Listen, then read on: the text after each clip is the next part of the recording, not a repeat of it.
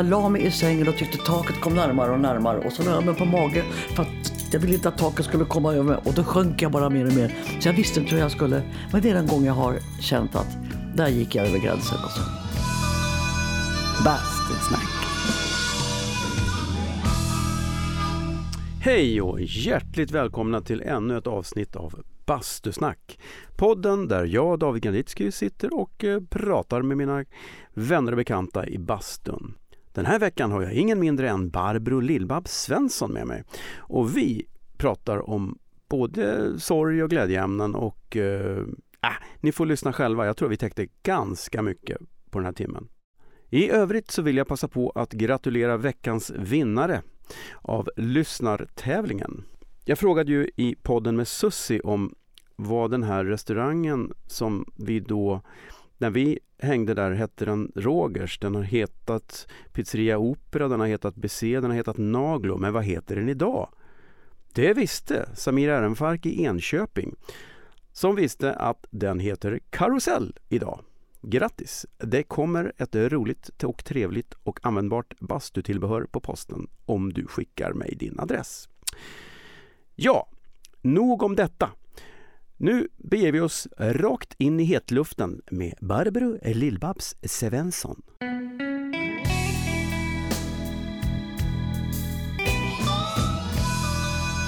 Bastusnack. Vad roligt att ha, att ha dig här. Fan vad kul! Det är det. Basta med Lill-Babs. Ja, nu snackar vi. Jävlar, jag Du har, stor, du har stor handduk så det går ju bra. Ja, jo. Men det är... Fan, du är bitsig. Man får ju passa sig. Ja. Du, jag, Var står fotografen någonstans? fotografen, han är i en eka här ute på sjön. Okej, det var det som ekade. Jag tyckte det var något. Exakt. När jag tänker på dig, vet du vad jag tänker på då? Nej. Då tänker jag på morotskaka. Gud, det är så gott. Det är det. Har du bakat själv? Jag önskar att det var så, men nej, jag gjorde inte det. Det är min vän uppe på ICA. Kvantum i Sickla. De kan ja. de också. Ja. Jag tar första tuggan. Ja, det, det är alltid... Alltid när du är inblandad i någonting så på något sätt så dyker det upp en morotskaka. Är- Ja, Mimmi brukar ju komma med morotskaka. Min, min barnflicka. Jaha. Som, alltså, som jag hade för Malin och kusin. Men hon är ju fortfarande vår barnflicka. Ja. Men hon, Hon har aldrig bytt. Nej, nej, nej, hon finns kvar. Hon passar på oss fortfarande. Mest på mig. Det är väl bra om barnflicka. Det är det man ska behålla sin barnflicka. Ja, Åh, gud vad gott kaffe. ja vilken tur. Du ser. Kaffe, morotskaka. Nej men för det är alltid så fint när vi jobbar och, och, och så dyker det alltid upp en morotskaka i logen. Det känns väldigt tryggt. Du är överhuvudtaget väldigt bra på att ta hand om folk tycker jag. Ja, men det är ju lite kul. Det är ju du också. Men vi är ju sådana liksom. Det, det, det finns väl ingen roligare än att skämma bort. Och det finns ingenting som är roligare än att bli bortskämd. Nej. Du är ett levande exempel på devisen att behandla andra som man själv vill bli behandlad, tycker jag. För det känns så tydligt att som du behandlar folk vill du själv bli behandlad också. Ja, men det är just det. tror jag. Ja, men de som inte har känt på vad skönt det är att skämma bort och vad underbart det är att bli bortskämd. Alltså det är ju bara... Och det kan ju vara med, med, med små, små saker. Va? Det kan vara bara ett leende kan räcka ibland. Men du är så rolig, du är så extrem för att vi var på en middag hemma hos en gemensam bekant en gång, kommer jag ihåg. Och sen så plötsligt så satt vi och sa, vad fan är Barbro? Jag vet inte, vad är det gör? Och så hörde vi något som låter i köket. Ja, då stod du och diska. Ja, men... Jag är en jävligt bra diskjockey. Ja, jag tycker det är, det är fint. Jag tycker det är underbart. Ja, det är det- väldigt sällsynt. Är det det? Jag har aldrig varit med om att någon, någon folk kan hjälpa, av och plocka, hjälpa till att plocka av. Men här märkte inte vi. Vi satt och snackade vad det käk. Vi hade knappt blivit klara. Och så, sen var du bara borta. Och då stod du där och körde. Det går ju så fort. Ja, och det är just när man ja. tar det på en gång också, så att all mat fastnar. Nej. Nej, och tänka på den stackars värdinnan då, eller värden. Ja. Ska stå ja. ensam sen. Ja, i och för sig. Men det är ju lite det man tar på sig när man, bo, när man bjuder hem folk. Ja, visst. Men man kan ju hoppas också ibland att det är någon som... Ja, jo, ja just Lite- det. lite jag ska komma det. Jag kommer, nästa gång jag kommer hem på middag till dig så ska jag, ska jag bör, börja med att diska. Du kommer inte hinna. Bastusnack. Du har ju sånt gott humör. Du är alltid glad, tycker Nej. jag.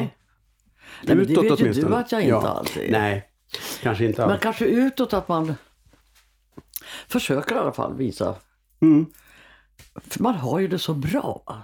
Så att det, det är så svårt att gå och sura. Men är man ledsen eller eh, om man har ont så, så Mm. klart, det har jag också ibland. Men vad kommer, vad kommer det därifrån? Du, det kommer det hemifrån eller kommer det från att du har fått det genom att du, att du är sån helt enkelt? Eller har du, jag träffade din mamma vid något tillfälle men det var inte läge och jag, jag, vet, jag, fick aldrig den känslan av hur hon var så. Men var hon... Men hon var, hon var verkligen Också sådär glad Ja, och- hon är ju fortfarande, även fast det är tio år sedan mamma gick bort, så är hon i hela familjen våran ryggrad. Liksom. Mm. För hon hade den där, hon hade humor. Som bara den. Hon var värre än någon musikant. Hon hade alltid svar på tal. Hon var snabb i repliken. Och hon var omtänksam. Och hon var, och var så full av respekt för andra människor. Och Fylld av kärlek och mycket humor. Alltså, så jag tror att alla vi i vår familj, vi älskade mamma för just det. Och eh, vi fick ju lära oss att vad skönt det är att skämma bort, vad skönt det är att vara Ja, det är ju snäll. toppen om alla var så. Gud vad skönt det skulle vara. Ja, visst. Men ni är ju jävligt starka också. Ni är ju inga mjäk. Ni tjejer.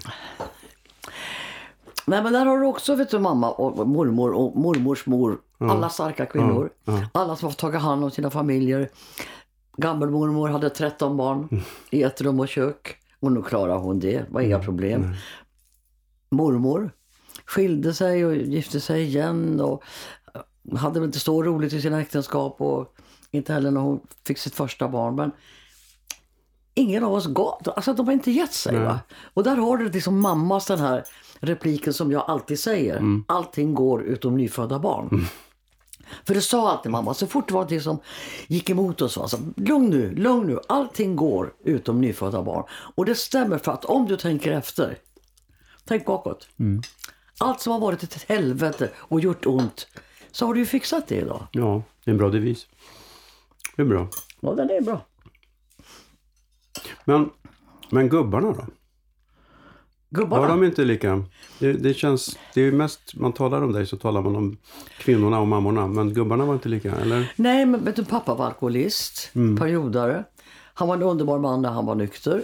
Fantastisk, jättegullig, snygg, härlig, sportig, alltid brunbränd, åkte alltid skidor i fjällen och var helt... Men när han drack så var han ju precis tvärtom. Va? Som de flesta blir när de dricker. Och mormor hade också haft de problemen. Alltså. Inte gammelmormor då, men där var det liksom alltså, ett, 13 barn i ett rum med kök och eh, en gubbe som eh, ja, inte tyckte det var så kul. Det är ju tur att man är glad och stark. Den här branschen är ju som vi båda vet fullständigt livsfarliga för de som har den, den läggningen. Ja. Ehm, men du har inte haft, du har inte haft några problem? Nej, men jag vet inte om det kan vara tack vare Simon Brem va, som, som tog hand om mig från början när jag kom till Stockholm. Och var vansinnigt sträng, men också var väldigt... Eh, jag fick, fick lära mig ödmjukhet, respekt. Eh, och det var kul med alla musiker, fast de var jävliga ibland. Alltså, så var de ju eh, djupt där inne så brydde de sig. Va? Men du fastnade aldrig i partajandet för det är ju jättelätt. Nej, där, där... Jag fick ju inte gå med på något parti här. Göra. Det var för lite. När vi, när vi var ute på turnéer och sånt där så kunde ju Simon ringa vid tre tiden. Så där, du, kom, ta bilen och kom och hämta oss. Så att, eh, men... Nej, men jag har aldrig heller tyckt att det var roligt med alkohol. Och så har jag alltid varit livrädd för allt vad som heter knark och sånt där. Va? För att jag vill inte bli dum i huvudet, vet du. Nej. Jag vill, jag vill vara med. Jag vill se vad som händer. Och när man ser hur många som är någon sniffar eller vad de gör förstör sina näsor. Varför? Helt normalt funtade människor går och sniffar i sig en massa skit. Nej, jag har svårt att förstå det också. Men eh, Ja, men, det händer ju trots allt. alltså, ibland så tycker jag det är så enkelt liksom att det finns så mycket annat som är kul. Ja, men jag älskar att ta ett glas vin. Jag kan ta två glas vin. Men sen, jag har ingen lust att inte ha koll. Nej. Ja, jag känner igen mig i det där. Jag tycker det är kul att ta några öl, men Ja. när man börjar tappa koll, då är det inget roligt. Nej. Det, Och jag har kanske gjort det två gånger i mitt liv. Mm. Och då var det sådär, det var första gången jag fick dricka vin. Mm. Det var med Peter Kraus nere i Marocko. Och så, det var Mhm. men, någon... men nu får du fylla i mig. Peter, vem, vem Peter var det? Kraus, Ja. han, jag var förlovad med honom. Han, var, han är fortfarande idol nere i Tyskland. Han Jaha. är lika gammal som jag, men han har hållit på lika länge. Och han var ju deras alltså, rockkille. Men sen så kunde han så mycket annat. Han var bra skådis och allting sånt där. Och vi förlovade oss i mitten på 60-talet. Och levde ihop där nere. Men så var vi ner till Marocko och Agadir. Och då hade det varit den här jordbävningen i Agadir. Så att de hade smält upp en massa svenska små hus. Som var, varje rum var ett litet hus liksom. Och då säger han som ägde hotellet, eller, så skulle han bjuda på champagne när vi kom. Och så jag vet inte, så jag. Ta nu, sa Peter. Ta nu ett glas champagne. Det är inget farligt. Nej, okej. Då hade jag bara smuttat på crème de menthe. Alltså så pepparmintslikör för det smakar tandkräm. Så det tyckte jag var okej. Men då så drack jag i alla fall där cham- champagnen och sen så kom de med rödvin till maten. Och jag tyckte det smakade pyton alltså. Jag sa drick nu och var tacksam ungefär. Han bjuder ju på det här. Och sen så tog vi väl ett glas till och sen så skulle jag, jag, mådde inget bra. Så jag, så jag gick ner och halkade. Men klarade mig ner. Men sen kommer Peter efter ungefär en timme senare. Och han var inte nykter. Dessutom ramlar han i den här trappen för han hade mockasiner på sig. Och halkar och slår i. Och jag undrar varför han för det första kräks och för det andra ligger och jämrar sig i sängen. För det är jag som för första gången har druckit. Det är mig han ska tycka synd om. Och då gick jag upp och tittade på honom.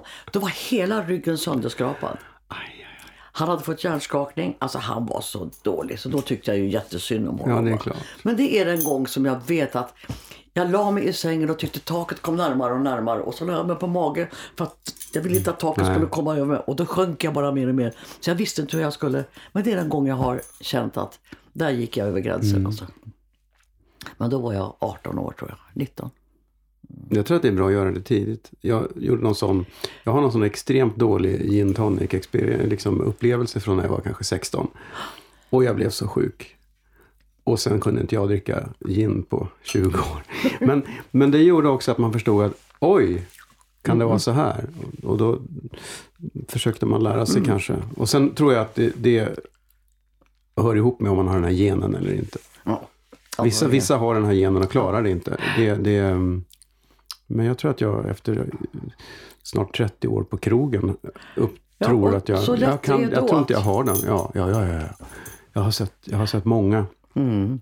inte ska inte säga gå ner sig, men det går fort. Ja. Och så är det så lockande också för alla musikanter, alla varit i vår bransch. När man är klar med showen på börsen till exempel. Ja. Alltid är det någon som bjuder på ett Ja. glas vin eller glas champagne. Eller, Ja, eller på turné, man ska sätta sig i en buss och åka 40 mil. Vad, vad finns att göra? Då är ja, det man tar en öl. att köra. Ja, ja, just Ja, det är klart. Du körde mycket, eller? ja, nästan jämt. Men vad hade ni för när du åkte med Simon och, och gänget då? Hur stor transport, hur mycket Nej, saker i hade ni början med? åkte vi väl tåg. Ja. För jag fick bära den där stora basen. Jag lärde mig hur man bär en bas. Ja, ja. Liksom. Lägger halsen här och så håller man under Ja. midjan på så här. Men sen så köpte väl han en uh, Plymouth tror jag det var. Stor bil var det i. Ja. Så basen fick plats. Och så hade vi alla, man hade ju alla, alltid, vet du, då hade man ju två högtalare och så Mm. var det inget mer där. För att pianot skulle ju finnas i parken. Ja. Välstämt. ja. Och sen så... Ja, Var då- det det då? Ja, nej. Alltså, ska- en gång... Det En kom, fuktig sommarkväll, välstämt piano. Tjena! nej, men vi kom ju till eh, åh, någonstans i Dalarna tror jag. Rune Överman var med på piano. Ja. Och så skulle vi kolla, då fanns det ingen piano. Men säger Rune, hör du dansmusiken, de har, om det är orgel eller någonting sånt. Och så gick vi dit, nej det var inte det, utan det var dragspel. Och det var knappdragspel. Och det kunde ju inte Rune för fan hantera. Så vi fick låna med oss dragspelaren Ja. till showen. Så Rune stod bredvid och skrek harmonierna. Och, alltså det var... Och vi gjorde alltså över en halvtimmes show. Det är inte klokt. Allting Och han, han gjorde det? Ja då. Han köpte det? Ja då, han köpte det. Och Fan, det gick roligt. riktigt bra alltså. Det är jätteroligt. Ja, det var fantastiskt. Det är ingen repetition utan jag skriker till dig. Ja, ja. Se! Okej, okej. Åh, det är sånt man vill ha inspelat. Det finns ju inte såklart. Men, men ni åkte, för jag tycker det här är- lite historiskt kul för mig i och med att jag har turnerat en del som Mm. tekniker. Och, men ni hade alltså med er, det fanns inga högtalare och mickar på plats utan det hade ni med er. Ja, det hade vi med oss. Men det var ju mer en sång, ja. sånganläggning då? Alltså, Ja, det var lite högtalare- sånganläggning. Ja, ja, Två ja. högtalare och så Och en sen mikrofon, kom det, två ibland. och så kommer det, det måste ju ha kommit ganska mycket folk ibland. Ja, gud ja. Ja. ja. Hur fan hörde de? men de gjorde ju det på den tiden. Eller så Va? höll de käften konstigt? kanske? Nej, men det hördes ju. Vi kollade ju. Ja. Och herregud, det var ju 4-5 tusen. Och Men de kanske hade andra pretensioner då. Alltså, om man Ja, inte lät vet något annat så är man van. Ja, man är van. Och så kanske scenen var också sån att den... den Ja, men det den var ju för sjutton en mjölkpall ibland. Ja, ja. Det var ju inte alltid det var en bra scen. Nej, det. Det kunde ju vara mitt ute i skogen Ja. och så stod det... Jag vet ju många gånger så fanns det ju inte toalett va. Nej, såklart. Och så, så försökte man hitta någon tall eller björk ute, det fanns inte ens det. En gång, glömmer jag aldrig. Så bakom pianot så hade de ställt en burk. det var toan. Ja. Gick det med? Det, det, Ja. Jag lärde min... När jag träffade min hustru så var hon ute på turné med någon, Mm. med Anders Widmark tror jag det var. Och eh, jag var med och besökte henne ute på turné och så sa jag efteråt sa jag, du måste skriva en rider. Äh, vadå, det är så fint. Ja, Men, nu, de åkte runt och det är mer så här jazzturné, visor Ja. och spela. Och så jag, men det, det, det är tre enkla saker. Ja, vadå? A. Vatten. Helst vatten på scen. Det var varmt som fan. Ja. B. Handdukar. Man måste ju kunna liksom tvätta av sig eller torka svett eller vad som helst. C. En liten loge man kan låsa. Ni måste kunna, vara- för det var folk som skulle prata med Det är de tre. Mm. Det, det är liksom basic. Men inte ens det hade de. Ja, jag hade Eh, och där kommer folk med det ska vara en skål med M&M's men inga gröna. Och, ja, du vet den här klassiska. Det är helt... eh, Och sen har jag, jag menar, jag har åkt med artister där vi har haft enorma rider. Men Ibland har man ju, beror ju det på att det behövs för att man, man vet att man har dubbla gig och det måste finnas det och det och det funkar inte annars. Men sen har man ju så här själv suttit och skrivit de där ridersna och det är helt roligt för man kan skriva att det ska finnas tre Kinderägg och en uppstoppad apa. Du vet, Marianne Mörk, ja, hon älskar Kinderägg. Ja, hon så? samlar på det. Hon är storsamlare. vad roligt. Det är jätte... Ja. Men rider och sånt där, vet du, det, har ju än idag inte. De, de kan ringa, de kan fråga vad, vad ska ni ha då? Ja, vatten, kaffe och så frukt. Men du har aldrig tänkt på det, för att det upptäcker jag med Helene, att just det här att säga, jag vill gärna ha ett litet rum där jag kan vara själv. För du är ju en sån som alla är på hela tiden och det är inte alltid man orkar det. Framförallt inte före en, en föreställning. Men det är inte alltid det finns ett litet rum. Nej, nej. Men man kan ju skriva, snälla, om ni har. Ja, nej, men många är ju jättegulliga. Ja. Vi kan vara hemma hos mig och Ja. du vet, sådär. Så att alla ställer ju upp. Va? Det är Ja. inga problem. Men alltså vi har ju inga... De frågar stylist, har du det med? Förlåt? Nej. Stylisten, det finns inte på Nej. liksom. Nej, det är Nej, onödigt. kan- kan det är onödigt. själv? Ja, det klarar du. Men det, alltså, sen ser man ju när det är vad bra de har det liksom. Mm, Många byten och allting sånt där så är det ju skönt att någon som tar hand om garderoben och kläderna och skorna och packar och packar in. Men nu har vi ju bara ett jobb per kväll. Mm. Men förr i världen, mitt rekord är fem platser på en dag. Men var det så då också att det stod i kontraktet att det måste vara Tre så mil. så många mil? Ja, precis. Tre mil mellan. Så då visste ni att det är fem platser, då är det ju 15 mil. Mhm. Nej, jo. Om du gör fem gig om dagen. Det första giget är 12. 12, 3, ska jag säga, 3, Ja. 6, 8, 10. Och, så. Men det, och då började vi, vet jag, nere i Åhus. ja. Och så var det Kristianstad och så Hässleholm. Och så slutade vi i Helsingborg. Hur länge spelade ni på varje ställe då? Ja, Då gjorde vi väl eh, 35-40, 40 Ja. minuter. För det var lite normalt. Jag, jag, jag har förstått att Beatles när de var ute och spelade så spelade de 20-30 minuter. På 20. den tiden. Ja, en halvtimme. 20 minuter, en halvtimme. Det, men det, jag antar att det var fler som kom och spelade samma kväll då. Ja, det kanske. Man köper inte biljett för att se någon spela i 20 minuter. Eller det kanske Ja, man... det vet jag inte. Är det Beatles så gör man nog det. Ja, ja. Nej, det här var nog i början. De, de, de slutade ju de slutade väl turnera 66 tror jag. Jag såg, det finns en, en, en konsertfilm från Shea Stadium. Ja. Du har sett den kanske? Nej. För där är det så uppenbart det här med tekniken, att den inte räcker till. De står och spelar på, på, på, i mitten på Shea Stadium Ja. och Ringo har ett trumset på en, en roterande scen. Mellan låtarna går han själv av och vrider den här scenen så trum, så man riktar trummorna. Det är ingen Nej. som gör det åt honom eller någonting. Eh, och allting bara skakar och skallar. Men det värsta är att det är så mycket ostämda gitarrer och falsksång. De hör inte ett skit. Det är 50 000 mest tjejer som ganska... De hörde ingen, de hade ju ingen lyssning. Det där är hemskt alltså. Det var ju bara... Ah! Så att då kände de att det här är ju ingen idé. Ja. Men du har aldrig känt, för jag tänker att ni åkt, du har ändå åkt... Jag, jag kommer ihåg, vi gjorde en spelning på västkusten. När vi var på, på turné med, med, med tre tjejerna. Eh, någonstans, ja, jag kommer inte ihåg vad det var, på någon liten klubb. Eh, och där gick monitorsystemet sönder tämligen fort. Det var jättedåliga grejer och det bara sprakade. Men jag fattade aldrig det. Jag stod och gjorde din lyssning utifrån. Och, och jag tyckte det var skitbra. Så kom jag in i logen efteråt och du sa det var vidrigt. Jag hör ingenting. Det var bara tyst. Och så kände jag att ja, nio av tio artister hade ju cyklat så i diket där. Men du har ett muskelminne för du måste ju ha åkt i så många år utan att höra. Tänker jag.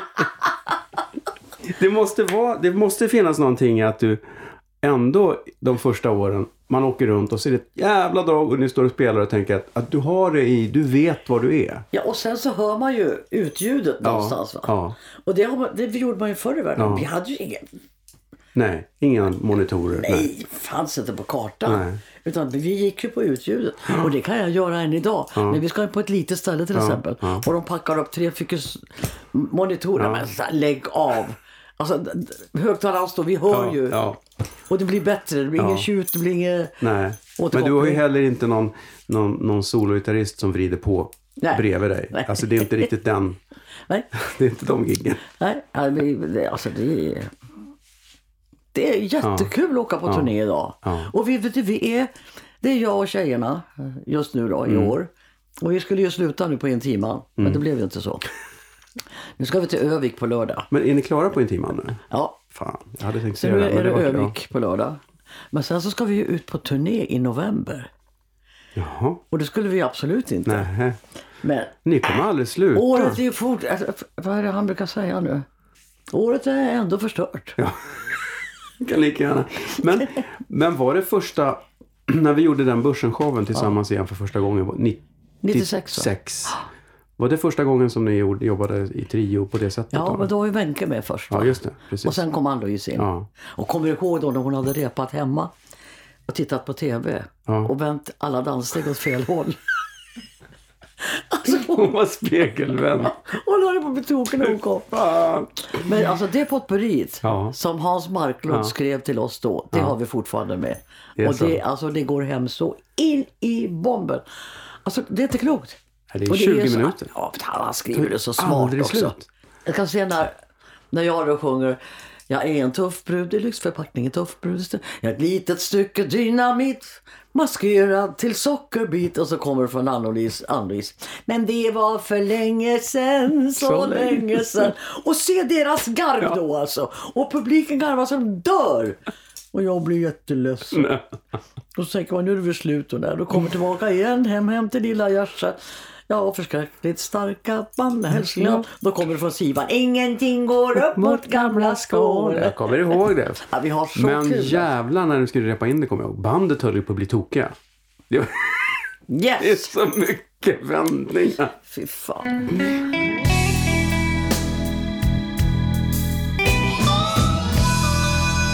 Bastusnack. Men gud att jag säger den gången när det sprack. När vi fick ställa in. Jag vet fortfarande inte vad jag gjorde för fel, förstå. Jo, jag har hört att jag hoppade takter. Vet du vad jag har här Barbara? Jag har en, eftersom vi ändå är inne på det. Här har jag en USB-sticka. Som heter 040921. Det är det gigget. Nej! Det har ingen hört. För jag, jag spelade in det gigget för att jag hade hört att, eller vi hade hört att hon har varit lite konstig. Och din brorsa var med och eh, vi kan ju förklara det för de som inte vet vad vi pratar om. Ja. Men det här är alltså 2000, vad sa jag, 4 va? Ja. 2004 så gjorde vi en show på Börsen Mm. som Roine satte upp. Berätta vad som hände. Jag fick, när jag kom till Börsen så fick jag reda på av, av någon produktionsledare att kom, kom, vi måste prata. Ja, och så, så ställde vi oss lite vid sidan om. Det här ska vi inte prata så mycket om, men eh, jag tror det var Eva Rode som hade ringt och sagt att eh, Barbro hade varit och handlat och de hade ringt från butiken och sagt att hon är inte sig själv. Ni måste nog, hon behöver hjälp här. Jaha, och så nu hade du ändå satt i logen och det var någonting som inte stämde och ingen visste riktigt vad det var och vi ska vara lite beredda på att det kan hända något. Vi kanske måste bryta. Och din brorsa var med. Vad heter han? Din? Uffe. Just det, din brorsa Uffe var med. Och han satte sig vid mig ute vid mixplats. Och vi hade inte berättat det för en käft i, i, i produktionen utom Steve som, som gjorde monitor, alltså som mixade förbandet. För att jag tänkte att om det händer någonting nu så kommer det bli sånt jävla liv eftersom det är Barbro.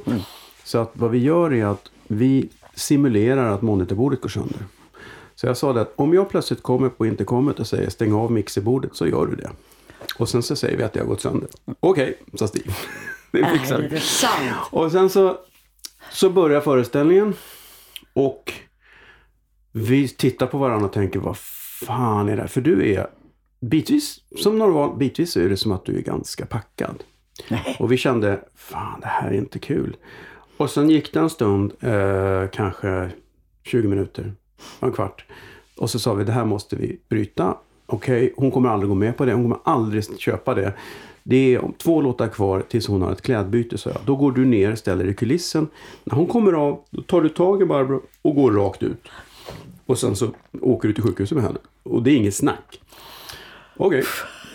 Och så gjorde han det. Och samtidigt så är jag på headset och säger eh, Nu kan du stänga av. och så gör Steve det. Och bandet blir bara slutar spela, de hör ju ingenting längre.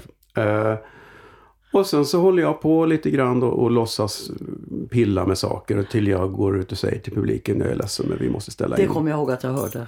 Vi måste bryta. Ja. Och de trodde jag skämtade. Eh, men det gjorde vi inte. Och så, ja, ni kan få pengarna tillbaka eller så här. Ni kontaktar hovmästaren och, och, och så. Och alla som frågade fick ju samma svar. Det var monitorbordet som har pajat.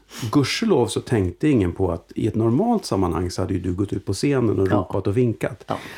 Men alla frågade, vilket gjorde också att det var någon kvällstidning på plats ganska snabbt och frågade vakterna. Och de hade ju fått samma story. Så de behövde inte ljuga. Så de sa bara, nej, det är min för eftersom vi var tre personer som ljög så slapp alla andra göra Det är inte klokt Men det alltså. värsta var, det värsta, eller det värsta, vi, eh, börsen är stängd och tom och jag sitter i logen med någon och snackar och tänker gud vilken pers det var. Då ringer min telefon. Hej, det är Barbro. Ja, hallå? Förlåt. Nej. Det var det första du sa. Vad då, säger jag.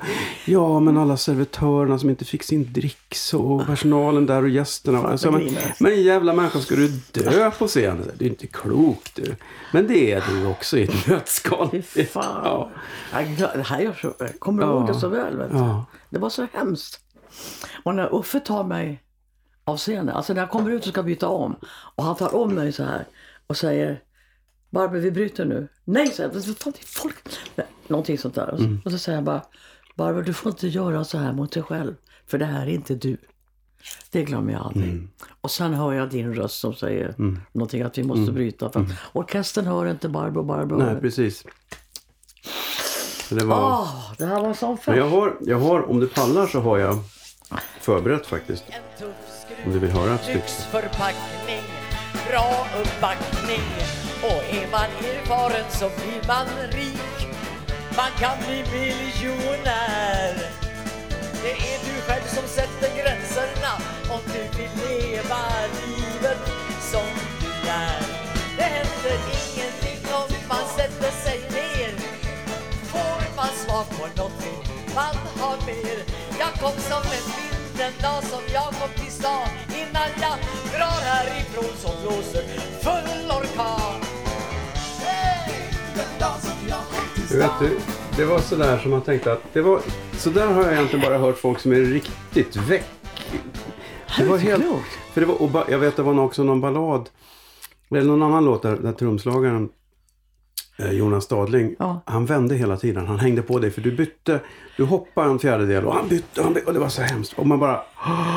Och den här låten, det, var sådär Ja, ångest. men det här är ju inte klokt. Nej. Det var verkligen wow. Men eh, det, det gick ju bra. Men vi var ju jävligt rädda. Vi var ju livrädda. Vi satt ju där och tänkte vad fan är detta? För ingen visste vad det var. Men vi, vi, vi snackade om att det måste vara hjärtat. Det måste vara någonting sånt som inte stämmer.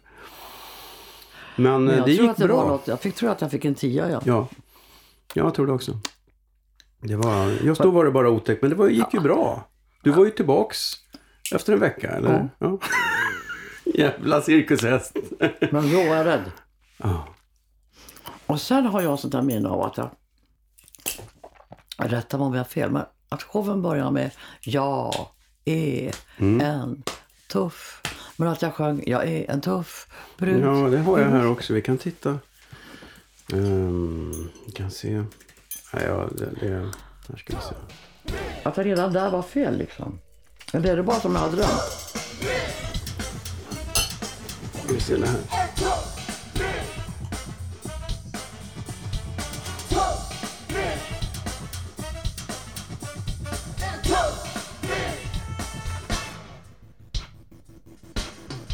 Ja. Brud i lyxförpackningen. Tuff brud i Förstår du? Ja.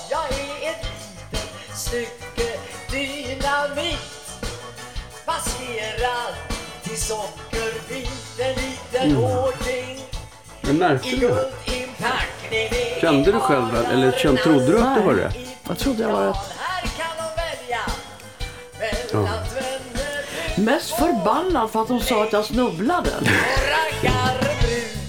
Aldrig kommer sagans prins om han går klädd i jeans men till ett nobelt kvinns med diamant det går briljant Eller jag sa till någon av dansarna, de säger att jag snubblar. Ja men du gör det bara, sa han. I helvete jag gör! Jag blev tokig. Ja. Ja, fy fan. Ah. Men sen dess har det varit bra. Ja. Inga problem. Nej. Nej. Det är sådana grejer, man gör det bara en gång. Onödigt att göra om det. Fy fan. verkligen alltså. Nej, det var, jag tror aldrig jag har varit så rädd också. Jag satt och tänkte, vad, det här, sitter vi och tittar på henne nu och väntar tills hon kollapsar? Eller? Men det är Ja, också, men tack det är så, du bröt men det är alltså. så jävla Men vad smart roligt. av dig att komma på det här med tekniken och säga att Och men det var för att man räknade ut med arslet vad som skulle hända, vilket liv det skulle bli. För du fick, jag tror att du fick 24 eller 48 timmars frist nu innan någon visste. För att då var jag redan uppe i Leksand. Ja, men för det var liksom att hon behöver inte det också. För, för att så fort, det vet jag med vissa, inte alla, men vissa artister som man jobbar med, så tar det ju två sekunder. Så är det ett sånt påställ. Och det kan ju vara kul i vissa lägen, men i vissa lägen är det verkligen inte roligt. Så det, det, och det var, jag kommer ihåg att det var jättemycket vikarier på de flesta poster. Roffe var inte där och Arne var inte där. Utan det var jag och massa vikarier. Så jag, var liksom bara jag, som kunde. Det var därför jag spelade in den. För jag tänkte att om vi bryter och det blir ett jävla liv om hur mycket pengar det kostar och varför hit och dit. Då ska det finnas en inspelning. Och den här är så tydlig. Ja, men, fy fan. Den har det är som sagt, det är världspremiär. jag Ja, det. Det ja. är allt finns här. Det, allt finns där, hela den, de 40 minuterna. Och det, det här kan jag ta bort. Om du inte vill att jag har med det här så kan Nej. jag... Nej. Det får du visst ta med. Ja. För. Det, det är också många som undrar vad som hände va? Ja. Och jag har liksom inte kunnat förklara Nej. riktigt. Men det märktes redan före föreställningen för då var du... Du var beredd att gå på scen en kvart innan så var du klar. Liksom. Ah, nu ska vi köra, för du hade inget tidsbegrepp. Ah, nu ska vi köra. Alla, nej vi ska inte köra nu. Jo, jo, nu ska vi köra. Så det var, det var någon alternativ verklighet. Det var... eh, Det är, det är historia nu. Ja. Det, det, det är faktiskt intressant. Men någonstans är det så...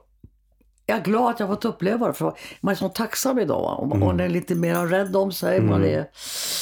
Fan, man är inte 19 längre. Nej. Och jag tror inte det hade med åldern. Jag jobbade ihjäl mig alltså. Jo, men det var, det var ett, ett högt tempo. Men det är ju så dubbelt det där.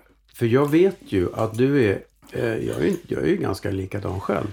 Man blir ju dum, man blir knäpp om man inte får arbeta. Ja, visst. Vi är några som är lite sådär. Men sen så gäller det att hitta en. Jag kommer ihåg när, när vi fick barn. Så var jag plötsligt ledig en sommar och åkte inte turné. Och så kände jag, när hösten kom och vi gjorde en ny produktion, så tänkte jag, fan kul jag har en ny produktion. Istället för att, åh, direkt från det här, nu ska vi in och göra det här. Åh, ja, det är så här man kan känna också. Man är ledig. Ja, vad bra, bra grej. Men, det, det, men du är ju duktig på att faktiskt vara ledig ibland också. Ja, oh ja. Det, Oh ja. Åker upp till Gärdet så jag vet det. Men la du om, vad la Men du jag om går när ju du... inte stilla där heller. Nej. Jag, måste, jag kan inte vara Nej, stilla. men då är det mer terapi. För Mm. att jag tycker att det finns olika saker när det är att hålla sig sysselsatt och att, att, att gigga är ju en viss press. Ja. Du måste någonstans hålla upp en sorts fasad. Men om man håller på och rotar i trädgården så kan man ju gå in och lägga sig när man blir trött. Det gör Ja. du ju inte om du Nej, står på inte scen. gärna. Inte gärna. Det ser så dumt ut. För du ställer ju inte in i onödan heller va? Sjuk, det är ingenting man... Nej, men jag har ställt in en gång med Carl Gustaf Lindstedt, Arne Kjell på Nöjeskatten. Men då, då hade jag Nöjeskatten på kvällen och sen var jag på Gasell jazzklubb och sjöng i Gamla stan. Och sen eh, upp klockan sju nästa morgon och filmade med Carl Gustaf. Så att jag, jag sov liksom tre, fyra timmar per natt. Mm. Och det gick det inte. Och då, jag bara kräktes. Och du kan inte gå in på scen och kräkas. Så Det är inte då skickade snyggt. de ner mig, vet jag, till, eh, eller Simon såg till att jag fick åka ner till, till Cannes. Och då hade han ringt till Norman Grant så att Norman skulle ta hand om mig. Och det gjorde han. Kan. Ja. Jag blev ju liv. Det var ju en gammal farbror för mig, vet du. Det första han gör när jag kommer ner så friar han. Jag sitter alltså, han bjöd på middag i St. Paul de Vence. Och när jag kommer dit så sitter Yves Montand. ja, oj. Fick jag Ja, som ja. bordskavaljer. Ja. Och mitt emot så sitter eh, Simone Signerets dotter då. Mm. Som, han, som hon hade med Yves. Och så, vi hade käkat förra tror jag, ja mitt i middagen. Plötsligt så var det så här. Jag är kär i dig. Jag skulle vilja gifta mig med dig. Och du, men vad fan, det här är ju Simons kompis. Farbror, vad, vad är det här alltså? Precis när han hade sagt det här så, så kommer servitrisen och säger att eh, telefonen till herr Grants från London, det är Ella Fitzgerald. Så han eh, går iväg och så, han hade ju Jazz at the Philharmonic. Så han hade ju Ella och alla de här. Och så går han iväg och då säger jag till Montan, men så jag är inte kär i honom, jag vill inte gifta mig med honom. Nej men säg det då, säger Montan. Ja men det vågar inte, säg det nu, jag sitter här. Och jag hade ju aldrig träffat Yves Montan, men han var ju som ett Ja. Ja. Och så kommer Norman tillbaka och så säger jag I don't love you, I don't want to marry you. Thank you. Ah, fy fan! Och då säger Norman, okej okay, that's okay baby, that's okay baby. Sen hände det en massa saker där nere. Alltså, han var galen. Han köpte presenter till höger och vänster och vet du, jag sa, jag vill inte ha det här. I don't love you. Nej, I don't love you. Kom till mitt hotellrum så stod det tio stycken sådana här vaser med blommor men det såg ut som en blomsteraffär. Han har liksom tagit hela vasen med blommor. Eller vaserna. Nej, han var galen.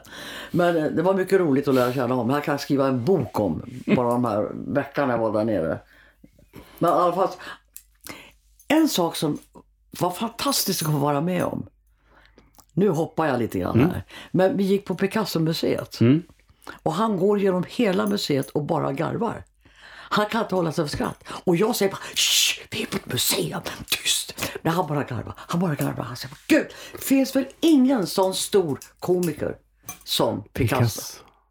Han har tavlor och Picasso hemma och säger jag älskar honom. Han gör mitt liv så underbart. Så han, och då, då sa, det var då han sa till mig att lova mig att du hemma hos dig bara har tavlor som dina ögon och du mår bra av. Så även om du nu skulle tycka om den där tavlan som en lilla pojke med tåren som brinner så här, som många har på dass. Ha den hemma om du tycker om den. Om den gör dig glad. Strunta i vad det kostar.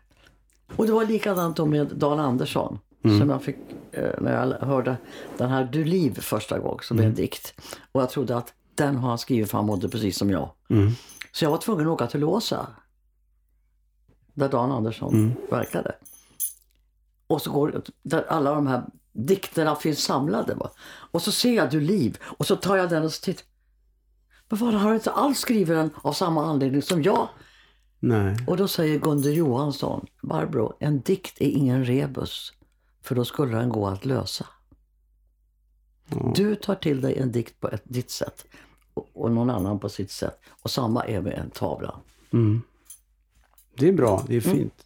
Det var jättefint. Och det är sant. Ja.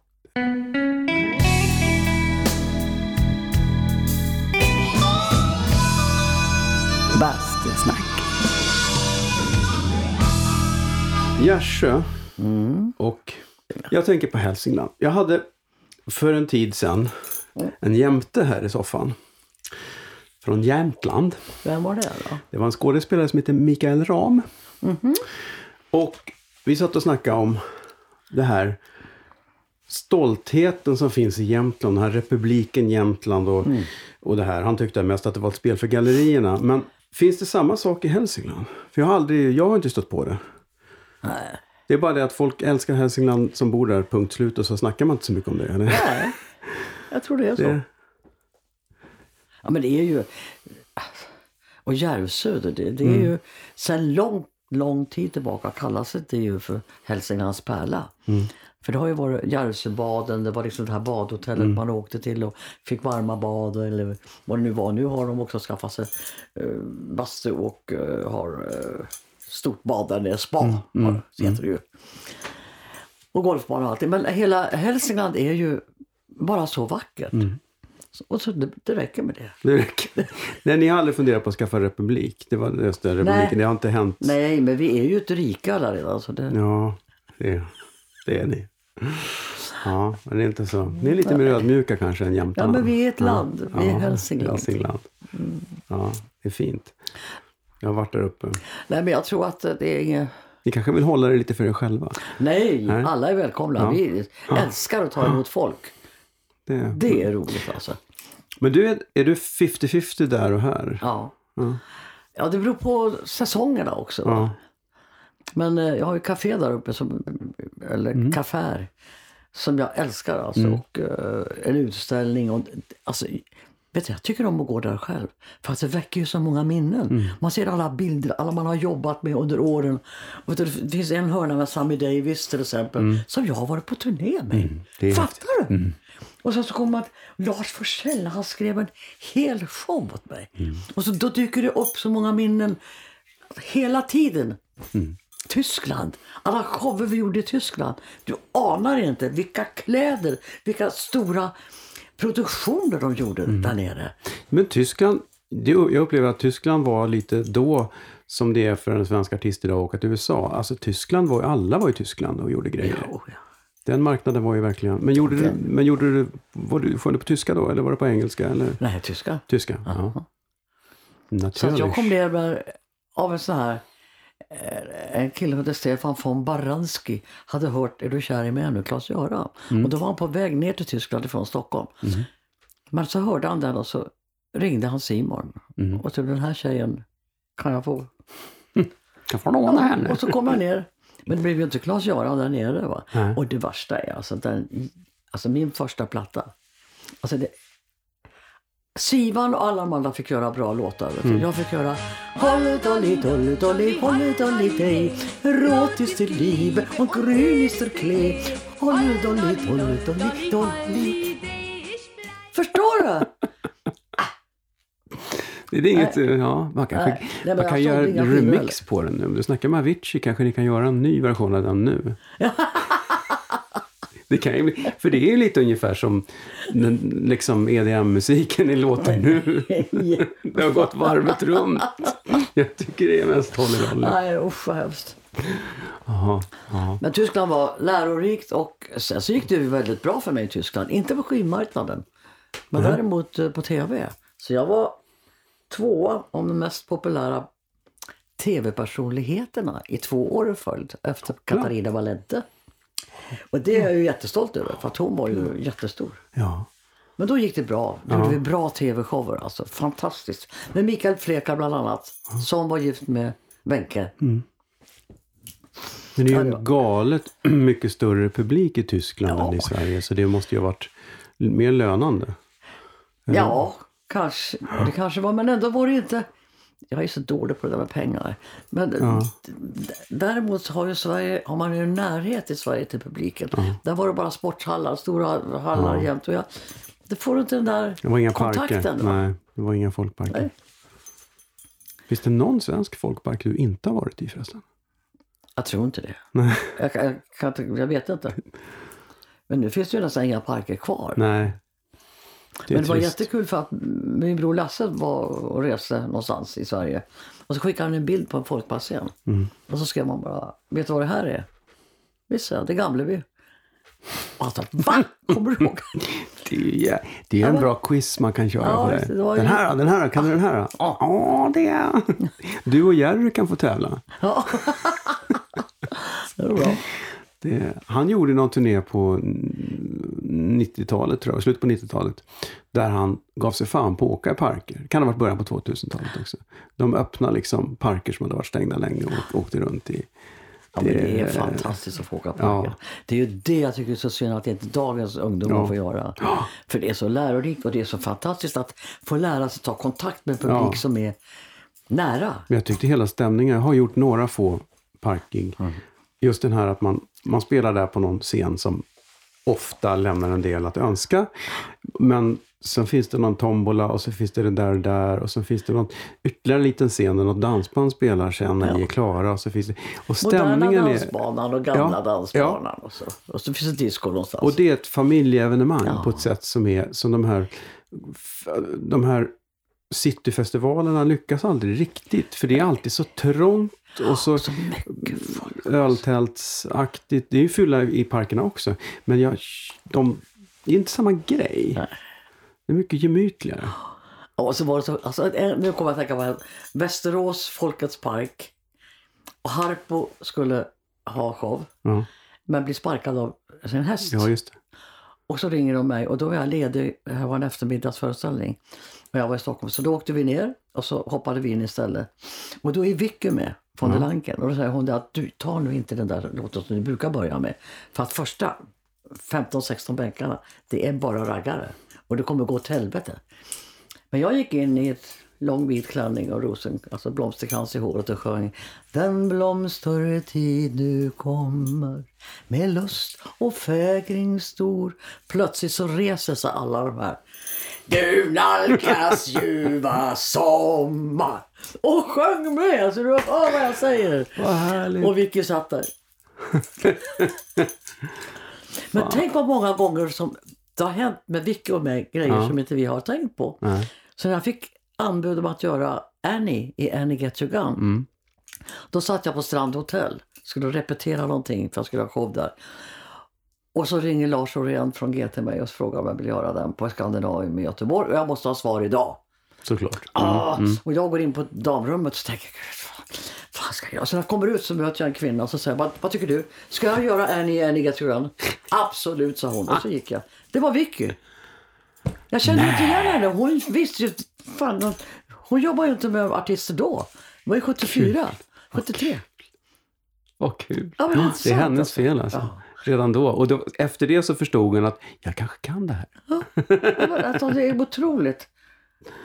Och likaså har jag alltid trott att det var Hasse Wallman och Karin som såg till att Lars Forssell skrev showen till mig. Men det var ju Vicky. Det Ja. var ju Vicky som var. Vi, vi har ju, hon har ju jobbat hos mig i 15 år. Mm.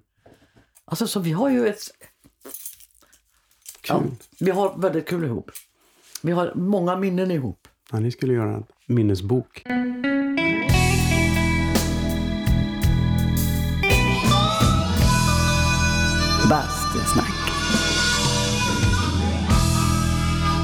Ja. Jag satt här med Jonas Gardell för ett par veckor sedan. Ja, Och, och då pratade vi, kom vi att prata om, om, om Gösta Ekman. Och, och så sa jag, ja, jag, det snackas ju mycket i branschen hit och dit. Och så, jag, men jag har fan aldrig hört någon snacka illa om Gösta Ekman. Och då säger hon, nej, och Lill-Babs. Henne hör man aldrig. Det, det är Gösta Ekman och Lill-Babs. men det finns ju inget. Har du inga lik i garderoben? Har du inte gjort något skit någon gång? Det har jag säkert gjort. Men jag är klok nog att inte tala om dem. Va? Klart. Men jag, Det, det har jag säkert gjort. någonting dumt. Ja, men det är roligt för det är faktiskt sant. Jag har aldrig hört någon tala illa om dig. Någonsin. Det, det är bra. Ja, det ju jätteroligt. Det är en fin egenskap. Men Gösta var också... Ja. Jag kände inte... Jag umgicks inte med Gösta sista tiden. Utan det var på den tiden på gamla börsen. När hans mamma Agneta Wrangel jobbade där och hovmästarinna. Då sågs vi väldigt, väldigt ofta. Va? Och så tappade jag rösten tack vare Klas-Göran. Och låg på Karolinska i sex veckor och fick inte tala. Jag hade talförbud. Vem tror du smyger upp förbi alla? Gösta Ekman. Kom in med en bok till mig. Så han, han var så omtänksam, han var så gullig. Och alla de killarna. Alltså det är... Vilken fin familj.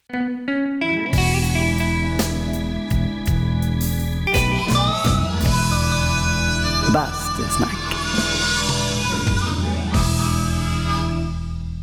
Du, tror jag, överraskade väldigt många när du klev ut, klev ut in i, kom ut i tv-rutan som Gugge. I bo, Ja, jag överraskade mig själv också nu. Ja, det var så jävla härligt att se. Och, och eh, jag tycker att du och Marianne Mörks förhållande, ditt, och Marianne Mörks förhållande är, det är så fantastiskt. Ja, och när hon vägrar komma ut. Och det är så, eh, jag blev så glad. Det är så jävla fint. Hon är så härlig. Alltså. Vi har Ja. alltså så roligt ihop. Alltså. Och vet, jag visste ju inte att jag skulle bli flata. när jag Det- tog den här rollen. Det vet nog inte, de flesta flator vet nog inte om att de ska bli flator heller. Nej. Eller whatever. Ja. Nej, men vi har roligt ihop alltså, och det är ett fantastiskt gäng. Mm. Hela gänget är helt... Alltså, vi jobbar ju på så små utrymmen. Vet. Mm. I de här rummen, i det här huset. I det här. Men det är en sån... Jag lovar det, det är helt otroligt. Men det är kul att ni är så inte klyschiga. Jag tycker inte att det är massa um, fördomsfullhet. Ni, ni gör ingenting som man tänker, åh det här är typiskt, liksom, åh ett lesbiskt par skulle nog vara så här. Utan ni är precis, precis som det är. Att man är ju bara den man är oavsett vem man ligger med. Och jag tycker det är, har du känt eller har du fått någon input att ni har gjort någon sorts, eh, var det någon förebild för för framförallt kanske lesbiska kvinnor i er ålder, för de är ju inte vanliga. Det är, inte, det är ingen som har ringt och sagt att fan vad bra att ni gör det här. Jo, det är, det, de säger att det är bra. Ja, Och det roliga är väl när man kommer på stan och säger Tjena Gugge, hur mår du? Tack ska du ha. För jag känner mycket också att det dubbla i det hela, att, att killarna har det bra för där finns det massa manliga förebilder. Eh, på tjejsidan så är ja, det är Eva, Eva och, och, och kanske några till, men framförallt äldre finns det ju inte. Och just, jag tyckte om den här, hennes vändning, att hon har kommit på det eh, med åren. Och så känns det som att, ja, det kan man väl göra. Och jag tycker det är fint att man kan visa upp det Ja. utan att det blir en överdrivet och, och spekulativt. Jag tycker om Gugge. Ja, Och jag tycker om Biggan. ja, Biggan är... det är roligt. Det trodde du inte när du gjorde första filmen med Carl Gustaf? Hade du velat filma mer? Ja, nu känner jag ju det. Mm. Men då har jag fått göra, nej inte så mycket. Jag fick ju göra med Carl Gustaf Lindstedt och Arne Mm, Källerud då på den tiden. Och sen gjorde jag lite grann i Tyskland. Jaha. Men det var ju för det mesta så att man hade gjort en låt Mm. på platta. Då fick man vara med i en långfilm och så sjunga den låten någonstans. Ja, ja, lite Bertil Bo-konceptet. Ja, det var liksom inte... Nej, men det är roligt med film. Och jag kom, alltså första filmen jag gjorde, Mm. det var med, med Pekka Langer. Jaha, Och den hette Så skott. jaha. Recensionen kom sen. Jag kan tänka mig. Filmens namn Så skott, recension Så skott. Det är, det är klart. Det är såklart. Det är lite asking for it. Ja, då. nej, det är ju inte konstigt att man inte har hört talas om den med andra ord. Nej. Det är inget som... Nej. Du ser inte den ofta hemma sådär. Nej. Vad skönt. Men du, jag tänkte vi skulle avrunda med, jag vet inte om du har det, men jag har ju ett litet avsnitt som heter Skämskudden. Det var det du sa. Ja, där man, man har någonting som man gjorde, nu har vi ju redan pratat om suskott här till exempel, men någonting som man gjorde när man var kanske 15, 25 och som man tyckte, fan det här var bra. Och som man idag tittar tillbaks på och tänker, oj varför gjorde jag det? Det där var inte så lyckat. Har du några sådana? Alltså när jag ser på, alltså någonting som vi tyckte var jättesöt reklamfilm. Mm. Och Sangre Nerv var med kommer jag ihåg. Och, eh, jag kommer inte ihåg. Jo, Peppman. Ulf, Ulf Peppman. Det var, alltså, jag hade alltså angoravantar på mig. Mhm. Och så ango, jag satte angoravantar överallt tror jag. Det kändes så. Och så sjöng jag jag borstar, du borstar med Pepsoden. Han borstar, hon borstar med Pepsoden. Vi borstar, vi borstar med Pepso, Pepsoden. Vi borstar allesammans med Pepsoden. Så ler han, så ler du med Pepsoden. Så ler han, så ler hon med Pepsoden. Vi ler, vi ler. Allesammans lever ju med Pepsodent med Irion. Och hinnan den gula försvann som ett skott. Ett leende solfriskt har alla nu fått. Hallå Mr Peppman, ni fått på er lott att säga ett ord ord kort och gott. Pepsodent och Pepsodent igen. För, alltså det här var så dåligt så det var inte sant. Du. Men foten finns kvar. Det är så? Ja, jag fick se den på Filmhuset. Ah, Ja, det, alltså, det är ingenting du känner att du skulle Nej, göra igen om de nej. ringde? Du, vi ska ha en uppföljning till. Nej, men ändå tycker jag att den är gullig nu. Ja. Va? Men jag kommer ihåg bara något år efter jag såg den. Men gud, att jag gick med på det. Ja. Ja, men det är väl inte så jävla Men lätt. sen vet jag sådana Ja. grejer som jag inte kunde rå för. Va? Alltså som, som var otäckt eller som... Åh! Eh, till exempel, man ska ju aldrig avbryta en show. Va? Det här var ju inte att göra bort sig. Jag springer in på scenen och så får jag en slicka rakt, rakt in i stortån. Mm. Men jag måste ju fortsätta jobba och det blöder som fan. Det är en grej som jag säger att varför avbröt jag inte och tog bort stickan? och säger att sorry nu har jag fått en sticka. Ja. Bang, nu fortsätter vi. Ja. Men sen en gång när jag verkligen klarade mig, då jag Mm. höll på att göra bort mig. Riktigt ordentligt. Det var Bengt Hallberg som var med. Eh, Bengt Hallberg och... Ja, det spelar ingen roll. Alltså, jag kommer in eh, och ska göra sån här spagathopp. Och du snackar om att det fanns toaletter. Det gör inte det på alla scener va? Det fanns inte på den här. Så jag hoppar in och gör sånt här låtsas spagetthopp och det kommer en stråle rätt ner i golvet. Och, och Bengt, han, han garvade att han höll på att dö vet du. Och så följer de det här som rinner då liksom fram emot scenkanten. Men precis framme vid scenkanten så är det en spricka i golvet. Så där rann det ner. Jäklar vad glad jag blev. Åh, sorti. Jag snacka om alltså. Ja, vad härligt. Ja. Nej, det var inte alls härligt. Nej, men det är en härligt nu. Alltså, Woody Allen sa det att uh, komedi är tragedi plus tid. Ja. Och så det är sådana här roliga grejer som när jag gjorde Annie och eh, springer, jag springer och jagar en av dansarna på utsidan av sargen. Och sargen var ganska hög va, för det var ishockey. Scenen var ju på ishockeyarenan så att säga.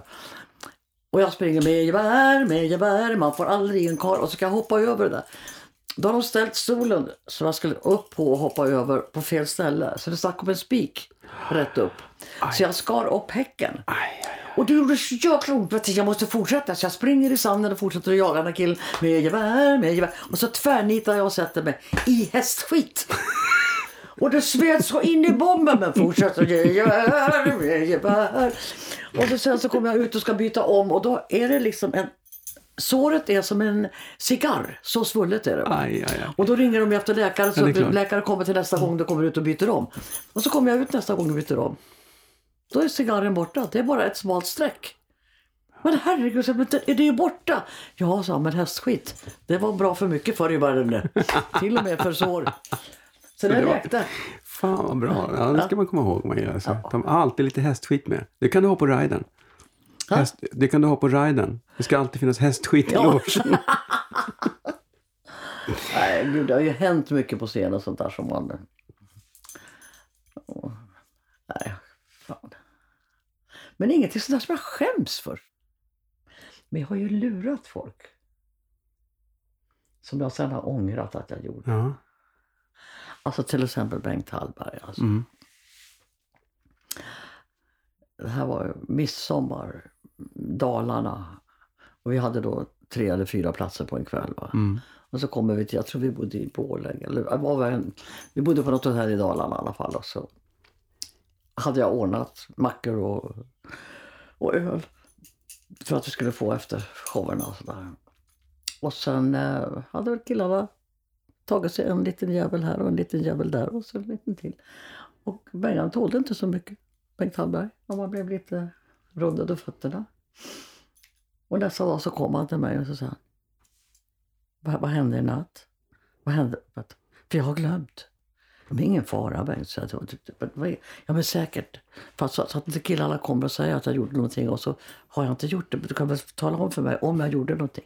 Nej men det var, det var ingen fara. Alltså, det, det var ingen som såg det i alla fall. Så att du stod och kissade från balkongen. Det var ingen som såg det. Men eh, det, det var några stycken som stod där nere men det gjorde ingenting. Jag tror inte de såg att det var du. Och det var ju ljug va. Han hade ju inte gjort det. Men gud vad förtvivlad han var. Och det ångrar jag så. Alltså, för han var världens snällaste. Ja, det var väl Ja, det så farligt. det var snällt. inte så farligt. Nej, det var inte snällt. Värre har jag hört. Framförallt på turné. Nej, stackarn han var alldeles förstörd. Barbro Nej. Svensson, jag är tacksam för att du Nej, ville komma hit och basta. Bastun, tack. bastun är varm så nu kliver vi i is tycker Ja. jag. Ja, nu kör Ska vi vi. hoppa i efteråt också? Självklart, det är Ja, minst 12 grader öppet. Ja, tack ska du ha för den. Det, ja, då, då låter jag bli. Ja, okej. Jag stannar här på land. Ja. Puss och kram på dig. Puss och Och kram på tack. dig. Ja.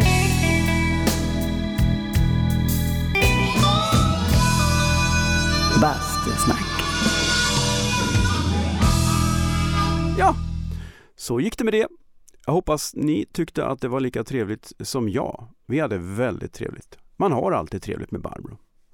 Har ni eh, frågor, synpunkter eller något så kan man eh, mejla mig på bastusnack popfabriken.se eller så kan ni gå in och skriva något snällt på Facebook-sidan Bastusnack, tycker jag.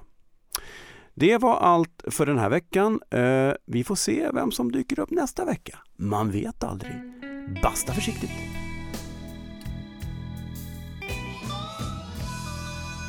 Bastusnack.